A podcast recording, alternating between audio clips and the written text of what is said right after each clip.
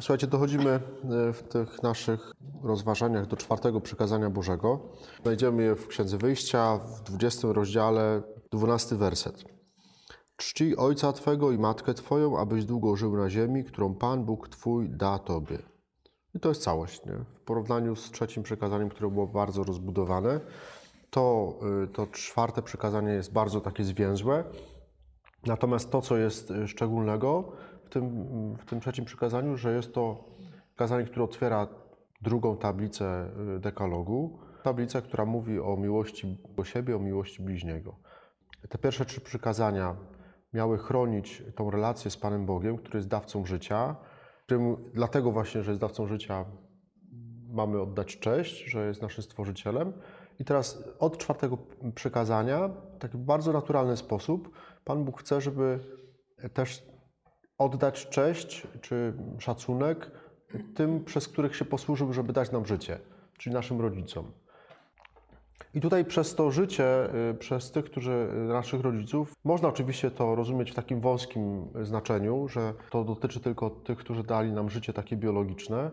No ale wiemy doskonale, że ten proces rodzenia to, to nie jest tylko zrodzić dziecko, urodzić dziecko, dać mu życie takie biologiczne, ale to jest tak naprawdę cały długi proces wychowania, który trwa przez ile, ileś lat. I on obejmuje nie tylko życie w tym wymiarze materialnym, ale także to rodzenie się odbywa na wielu różnych innych, na wielu różnych innych y, poziomach.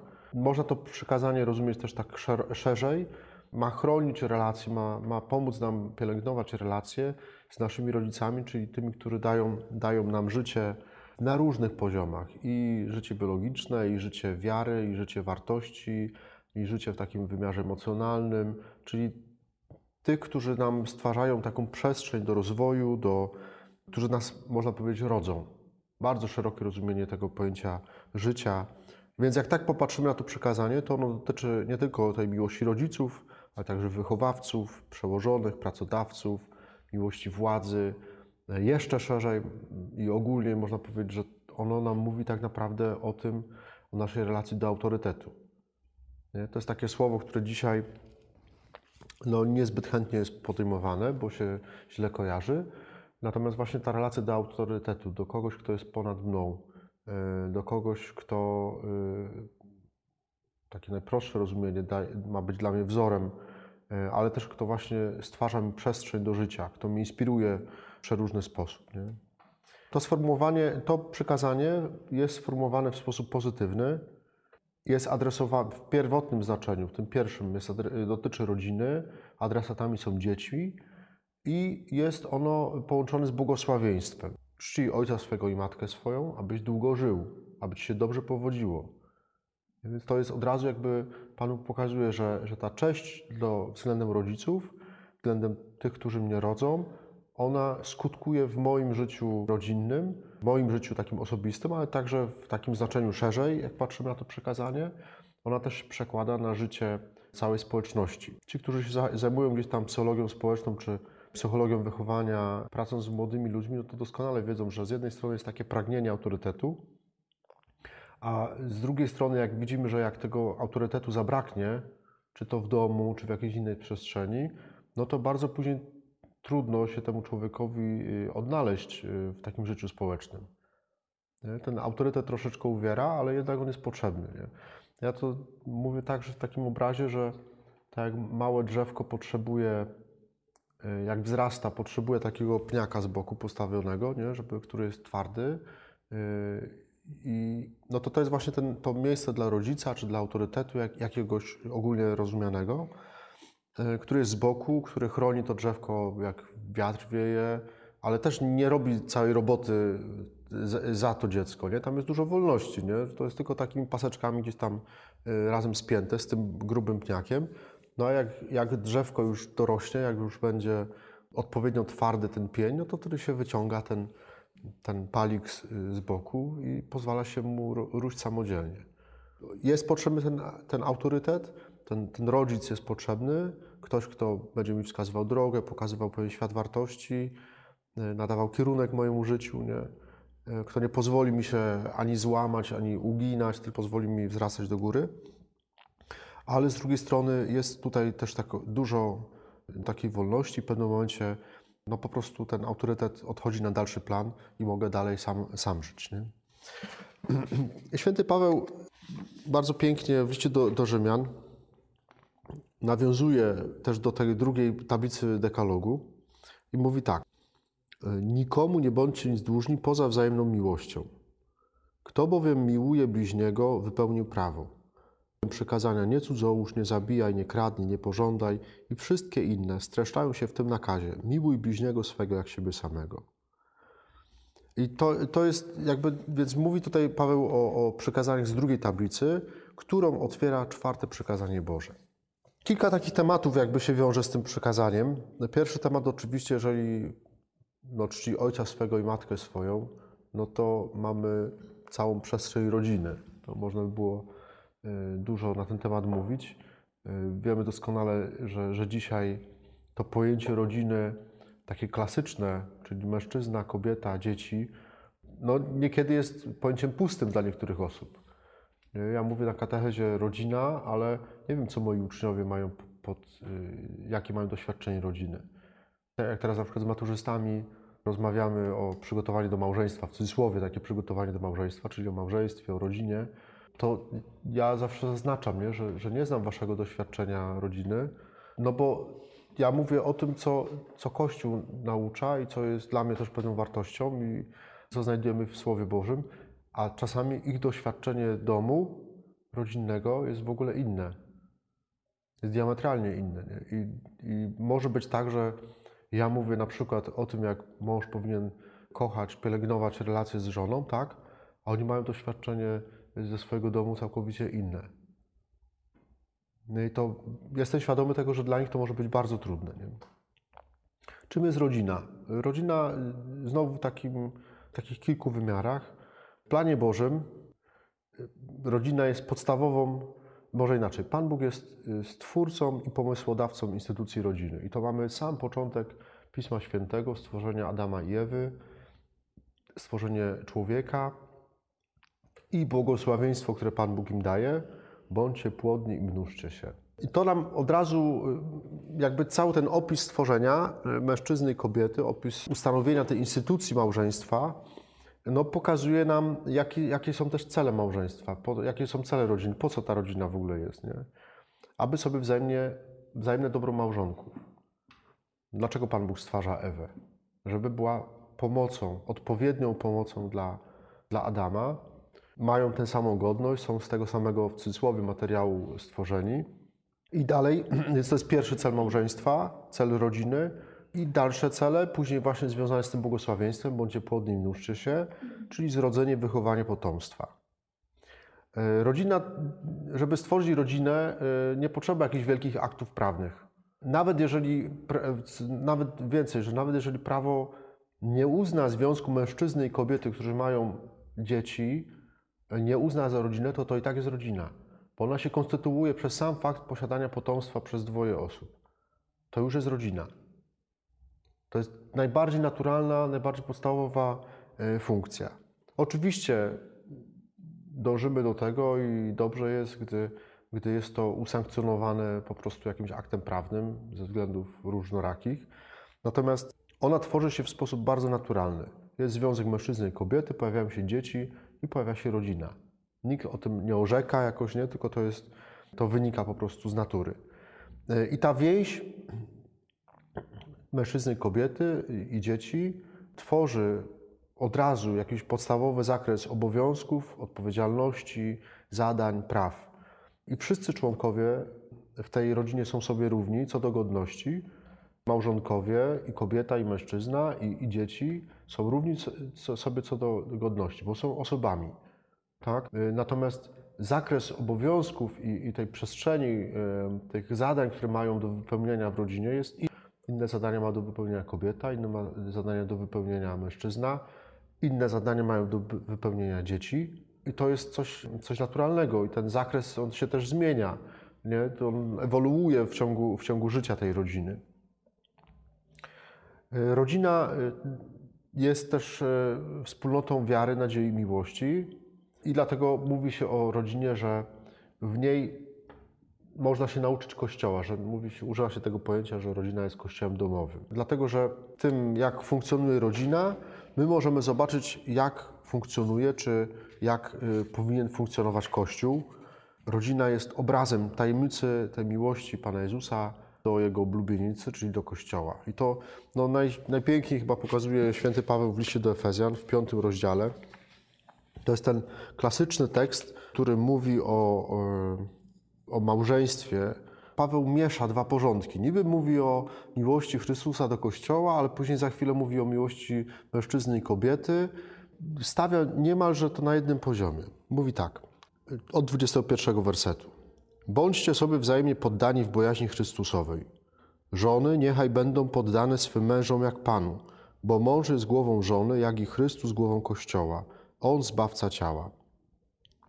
Lecz jak Kościół poddany jest Chrystusowi, tak i żony mężom we wszystkim. Mężowie, miłujcie żony, bo i Chrystus umiłował Kościół i wydał za niego samego siebie, aby go uświęcić, oczyściwszy obmyciem wodą, któremu towarzyszy słowo, aby osobiście stawić przed sobą Kościół jako chwalebny, nie mający skazy czy zmarszczki czy czegoś podobnego, lecz aby był święty i nieskalany.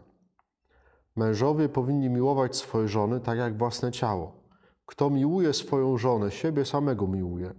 Przecież nigdy nikt nie odnosił się z nienawiścią do własnego ciała, lecz każdy je żywi i pielęgnuje, jak i Chrystus, Kościół. Bo jesteśmy członkami Jego ciała. Dlatego opuści człowiek ojca i matkę, a połączy się z żoną swoją i będą dwoje jednym ciałem. Tajemnica to wielka, a ja mówię w odniesieniu do Chrystusa i do Kościoła. W końcu niech, więc niechaj także każdy z was tak miłuje swą żonę jak siebie samego, a żona niechaj się odnosi ze czcią do swojego męża. Jak byłem w Austrii, to akurat ten fragment z Cuda Efezjan przypadł na niedzielne czytanie i przyszła pani, mówiąc, oświadczając, że ona tego nie będzie czytać. Ja tak, a dlaczego pani tego nie będzie czytać, nie? No bo tu jest o tym, że żony mają być poddane mężom. I to jest w ogóle dyskryminacja i w ogóle święty Paweł tutaj, ja mówię, pani, no ale to jest Słowo Boże, nie? Ona się zatrzymała tylko na tym pierwszym zdaniu. I jak chciałem w Racie Boże, jak uczyłem, jeszcze było dużo dziewczyn w klasie, jak chciałem je y, pobudzić do działania, do myślenia, to wtedy czytałem, to wystarczyło przeczytać ten fragment, wyakcentować, że żony mają być poddane mężom i wtedy one się bardzo pobudzały, nie? Natomiast jak się dalej czyta ten fragment, to, to tam jest w ogóle obraz, nie? że tak naprawdę, owszem, żony mają być poddane mężom, ale mężowie mają kochać swoje żony, jak Chrystus ukochał swój Kościół. W jaki sposób Chrystus ukochał swój Kościół? Oddał za niego swoje życie, po to, żeby był nieskalany, żeby był święty. Nie? Czyli to jest po prostu tak wyniesione tutaj na maksa. Która kobieta by nie chciała, żeby, żeby mężczyzna oddał za nią swoje życie?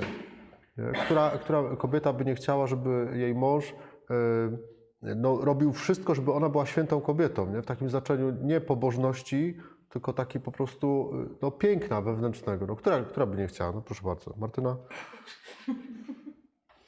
Czego się śmiejesz? Nie, no, no, nie ale no, to pytanie, pytanie retoryczne, nie? bo myślę, że, że każdy, każdy, każda kobieta po prostu by tego chciała. Nie? Natomiast wracam do tej sytuacji z Austrii, że no dla tej pani, e, ona się zatrzymała tylko na tym jednym zdaniu i już dalej nie poszła, nie?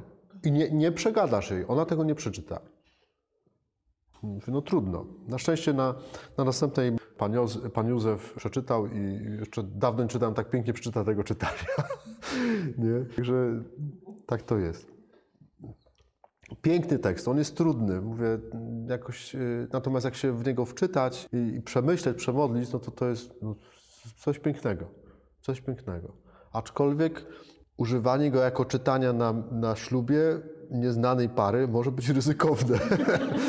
nie? Bo możesz nie mieć czasu, żeby, żeby zanalizować później to na kazaniu, bo, bo powstanie bód jakiś na, na, na pokładzie. Nie? E, małżeństwo jest obrazem miłości Trójcy Świętej. E, trud życia codziennego rodziny, czyli ofiara życia rodziców dla dzieci, dla siebie wzajemnie, Kościół mówi, że to jest obraz. Znowu, to jest obraz męki Pana Jezusa dla Kościoła. To jest i, i, obraz ofiary Chrystusa. Ta zdolność do dawania życia małżonków, ich dzieciom, to jest uczestnictwo w dziele stworzenia. To jest Pan Bóg się dzieli mocą stwarzania, dawania życia. To jest jedyny chyba taki moment, kiedy rzeczywiście my jesteśmy nie, nie tyle twórczy, tylko stwórczy. My nie, nie tworzymy, tylko stwarzamy nowe życie razem z Panem Bogiem. Pan Bóg jakby no, no dzieli się z nami tą władzą stwarzania. To, co umacnia y, na pewno rodzinę, życie rodzinne, to jest modlitwa, Słowo Boże, sakramenty. I to już sławne takie badania z roku 2000 ze Stanów Zjednoczonych przeprowadzone. Trwałość więzi małżeńskiej w zależności od życia duchowego małżonków. No tacy małżonkowie, którzy raczej nie praktykują, niewierzący, no to jest średnia rozwodów taka krajowa, czyli, czyli około 30%. Natomiast kiedy regularnie się modlą razem, regularnie uczestniczą w życiu parafii, yy, regularnie modlą się jako rodzina, to wtedy nagle ta średnia rozwodów spada do 0,7 promila. Więc tu mamy 33%, tu mamy 0,7 promila. Chcesz, być, chcesz mieć dobre małżeństwo? No to módl się razem, małżonkowie, z dziećmi, jako rodzina, korzystaj z sakramentów. To jest recepta, na, y, recepta po prostu na, na szczęśliwe małżeństwo. Nie? Doskonale zdajemy sobie z tego sprawę, że, że jest to trudne i nie ma, nie ma co tutaj owijać w bawełnę. Jest to na pewno niełatwa sprawa. Rodzina jako takim wymiarze społecznym, no to podstawowa komórka społeczeństwa, niezależnie od uznania jej przez państwo. Nie? To słowo podstawowa komórka społeczna, to podstawowa jest tutaj ważne, że ona jest fundamentalna dla społeczeństwa. To znaczy nie ma rodzin, nie ma społeczeństwa. Społeczeństwo, które nie dba o, o, rodziny, które nie inwestuje w rodziny, takie społeczeństwo po prostu umiera. I to jest, znowu widzimy to, y, na, no, wystarczy włączyć telewizor, popatrzeć na, na kulturę Zachodu, to społeczeństwo po prostu wymiera w takim kształcie, jak je znamy. To społeczeństwo y, Europy Zachodniej po prostu umiera. Ujemny przyrost naturalny, plus dają tylko imigranci y, muzułmańscy, dla których najważniejszą wartością, zaraz po tych wartościach w takim wymiarze religijnym, jest rodzina. Jeżeli gościu w moim wieku na Donau Insel y, sobotni, niedzielny wieczór, to jest taki teren piknikowy, stara wyspa na 27 km y, takiej wyspy, piękne parki zrobione tam na tym, no i małżeństwo gościu w moim wieku i piątka dzieci, nie? i donują i to jest wielka wartość, oni się spotykają razem. No, w zestawieniu z klasyczną taką rodziną wiede, wiedeńską, wiedeńczyków rdzennych, no to, no to widzimy, no, no łatwo wyciągnąć wnioski. To, co się dzieje, y, podstawowa komórka społeczna, dlatego że to, co się dzieje w rodzinie, czyli jak rodzina funkcjonuje, to odbija się potem w sposobie funkcjonowania całego społeczeństwa. I to w takiej mikroskali, nie? czyli że y, jakie wartości są przekazane w tej rodzinie, takie wartości później będą, pójdą w społeczeństwo, ci ludzie będą żyli w społeczeństwie takimi wartościami, tak? ale też właśnie w tej większej skali, że rodziny, jeżeli się nie inwestuje w rodzinę, no to też to w dalekiej perspektywie powoduje to y, rozkład y, struktur społecznych. I teraz takie dwa punkciki, obowiązki dzieci wobec rodziców, wynikający, no bo to co to jest, jest ten szacunek, nie? Czci ojca swego i matkę swoją, tak? Czyli co to, to wiemy, że to chodzi o jakieś obowiązki. Jakie mają obowiązki dzieci wobec rodziców?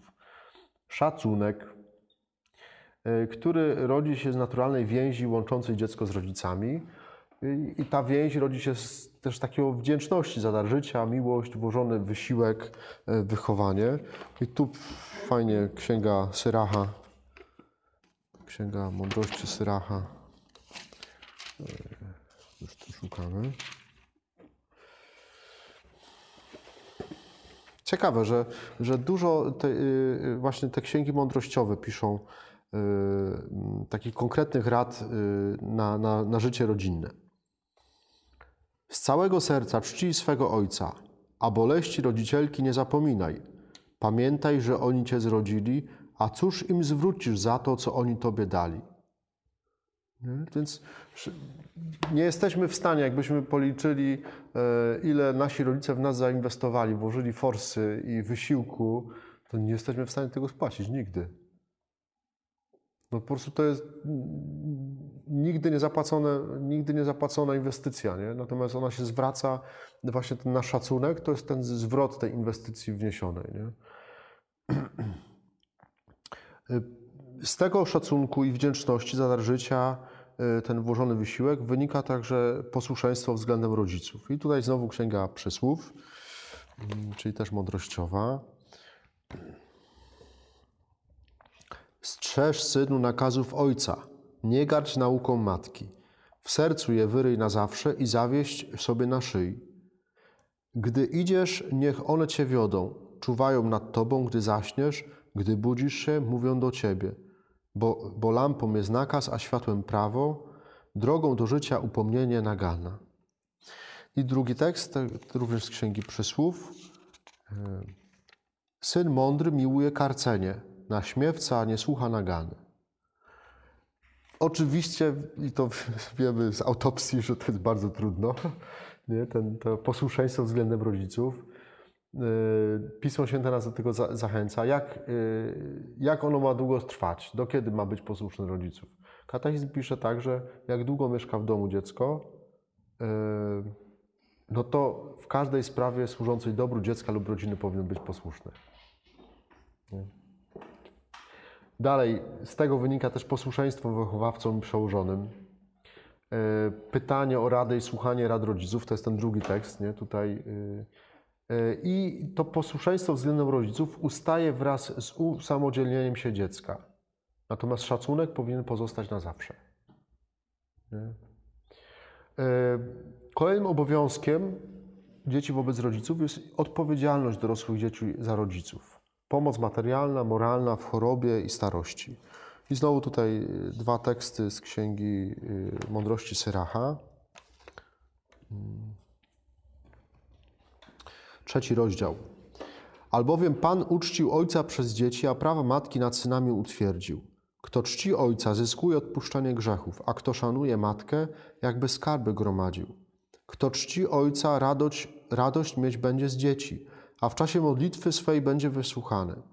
Kto szanuje ojca, długo żyć będzie, a kto posłuszny jest Panu, da wytchnienie swej matce. I drugi tekst z trzeciego, tutaj 12, 13, 16. Synu, wspomagaj swego ojca w starości, nie zasmucaj go w jego życiu. A jeśli by nawet rozum stracił, miej wyrozumiałość, nie pogardzaj nim, choć, jest w choć jesteś w pełni sił. Kto porzuca z ojca swego jest jak bluźnierca, a przeklęty przez Pana, kto pobudza do gniewu swą matkę. No, po prostu bardziej dosadnie pewnych rzeczy nie idzie powiedzieć, nie? Myślę, że czujemy po prostu wagę, że jakie to jest, y, no to słowo jest mocne, mając doświadczenie no, naszych rodzin, nie? Że, że to jest y, no, no konkret, nic dodać, nic ująć. Y, Obowiązkiem naszym też względem naszych rodziców jest dbanie i w ogóle względem naszej rodziny jest dbanie o harmonijne relacje z rodzeństwem. Mam wrażenie, że o tym też często zapominamy, nie? że no ponieważ jesteśmy y, dziećmi jednych rodziców, łączą nas naprawdę szczególne więzi, no to powinniśmy dbać też właśnie o to, żeby te relacje z naszym rodzeństwem, choć to też wiem, że, że jest bardzo trudne, no po prostu, żeby one były jak najlepsze, jak, naj, jak najpiękniejsze. Nie? I ostatnia, ostatnia myśl odnośnie tych y, obowiązków naszych względem rodziców to szacunek do wszystkich, którzy byli moi rodzicami w tym znaczeniu szerokim. Czyli tych, którzy przekazali mi wiarę wobec moich nauczycieli, y, wychowawców, tych, którzy byli dla mnie takimi autorytetami, prowadzili mnie, y, dawali mi wzrost. Nie? Natomiast y, to, że my mamy obowiązki względem naszych rodziców, to nie znaczy, że rodzice nie mają żadnych obowiązków względem nas. Jakie są obowiązki rodziców względem dzieci, względem rodziny? Po pierwsze, płodność małżeńska. To jest pierwsze, co pisze katechizm, nie? że małżeństwo, rodzina ma być płodna. I znowu tu nie chodzi o to, że y, tylko w tym wymiarze y, biologicznym, ale właśnie, że ta płodność ma się wyrażać w takiej kreatywności, tak byśmy powiedzieli, nie? Że, że y, rodzice są po to, żeby dawać życie swoim, y, swoim dzieciom na różnych, na różnych przestrzeniach życia.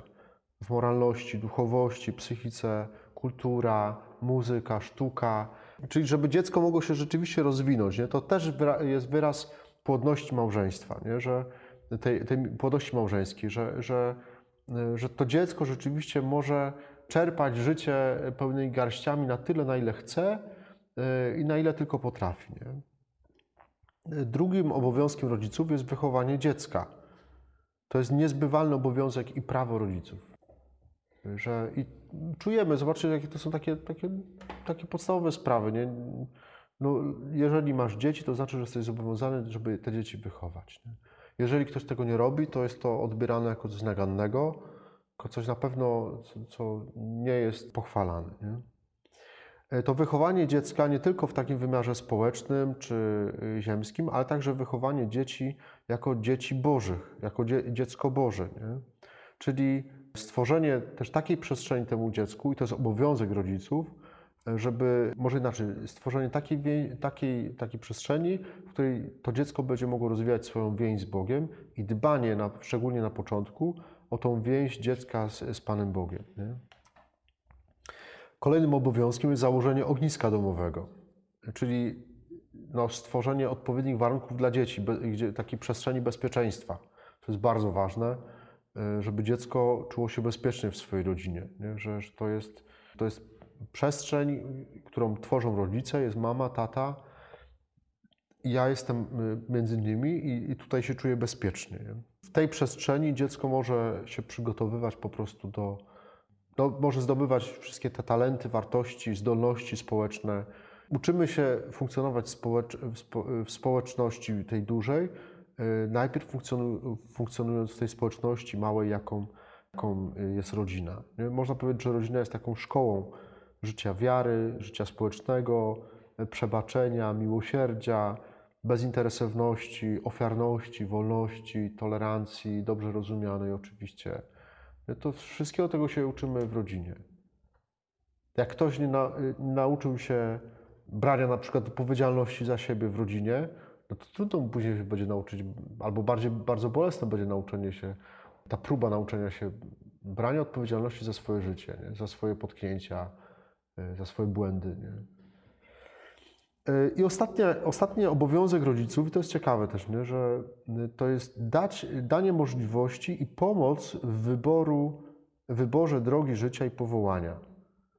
To znaczy, że rodzice, ta więź, te więzi rodzicielskie nie mają charakteru absolutnego. Rodzice nie mogą stawać się ponad Bogiem, że z, y, powiedzą, że ty pójdziesz na takie studia i na takie, nie? a dziecko chce, ma takie pragnienie. Ja po prostu nie, nie, jako rodzic nie, nie mogę temu dziecku zabronić. Ja mogę doradzić, dziecko powinno też jakoś wziąć to pod uwagę, posłuchać, tak, ale ja nie mogę powiedzieć, że, że, że, że jak nie pójdziesz no, y, na te studia, co ja wymarzyłem, albo na przykład ktoś, y, ktoś odkryje w sobie powołanie zakonne czy, czy kapłańskie, no to biada, żeby ktoś się stawiał ponad Panem Bogiem. Nie? Te więzi rodzinne są bardzo ważne, istotne, ale ale nie mają charakteru absolutnego. Pierwszą więzią tą człowieka, każdego człowieka osobiście jest ta więź Panem Bogiem. I ostatnia myśl już odnośnie tego czwartego przykazania, już bardzo szerokie rozumienie tego przykazania, to szacunek do władz państwowych, do narodu, do ojczyzny. W naszym kontekście y, tutaj Śląska to jest też różnie rozumiane. Nie? Wiemy, że, że u nas jak ten temat y, patriotyzmu, to hasło no, nie brzmi. Z różnych powodów, takich historycznych. Nie? Ja pamiętam taką sytuację w mojej rodzinnej parafii. Był ksiądz, yy, nie powiem jaki, ale wtedy młodym księdzem, yy, akurat po święceniach. No i, no i msza jakoś we wakacje, no i on odprawiał ją i, nie było organisty. No i on tak mnie pyta przed mszą świętą, czy może Boże coś polskie zaśpiewać, nie? Na tym. Ja mówię, sam zaczniesz, sam skończysz, nie? On myślał, że ja żartuję. Ale niestety sam zaczął i sam skończył. Ale to jest specyfika nasza, nie? że, że, że no, z różnych powodów. Natomiast obowiązek szacunku wobec ojczyzny, wobec narodu, wobec kraju, wobec władzy wynika z czwartego przykazania. I oczywiście władza, to też katechizm jak to, to rozróżnia, nie? że są pewne obowiązki władzy względem obywateli i pewne obowiązki obywateli względem władzy. Jakie są obowiązki władzy? To znaczy przede wszystkim to, żeby, że władza ma pamiętać, ci, którzy sprawują władzę, mają pamiętać, że to jest służba. To nie jest biznes, na którym ja mam się dorobić, tylko to jest służba. Służba całemu społeczeństwu, by ułatwić wszystkim korzystanie z wolności e, i branie odpowiedzialności za swoje życie. E, powinna, ta władza powinna szanować godność i podstawowe prawa osoby ludzkiej, powinna kierować się słuszną hierarchią wartości, powinna szanować prawa obywateli, sprawiedliwość społeczną. Natomiast jakie są obowiązki obywateli? Szacunek do władzy, ale też y, nie uwielbienie władzy. Nie? To, to nie chodzi o to, żeby sobie czynić bałwana, ale szacunek. Nie?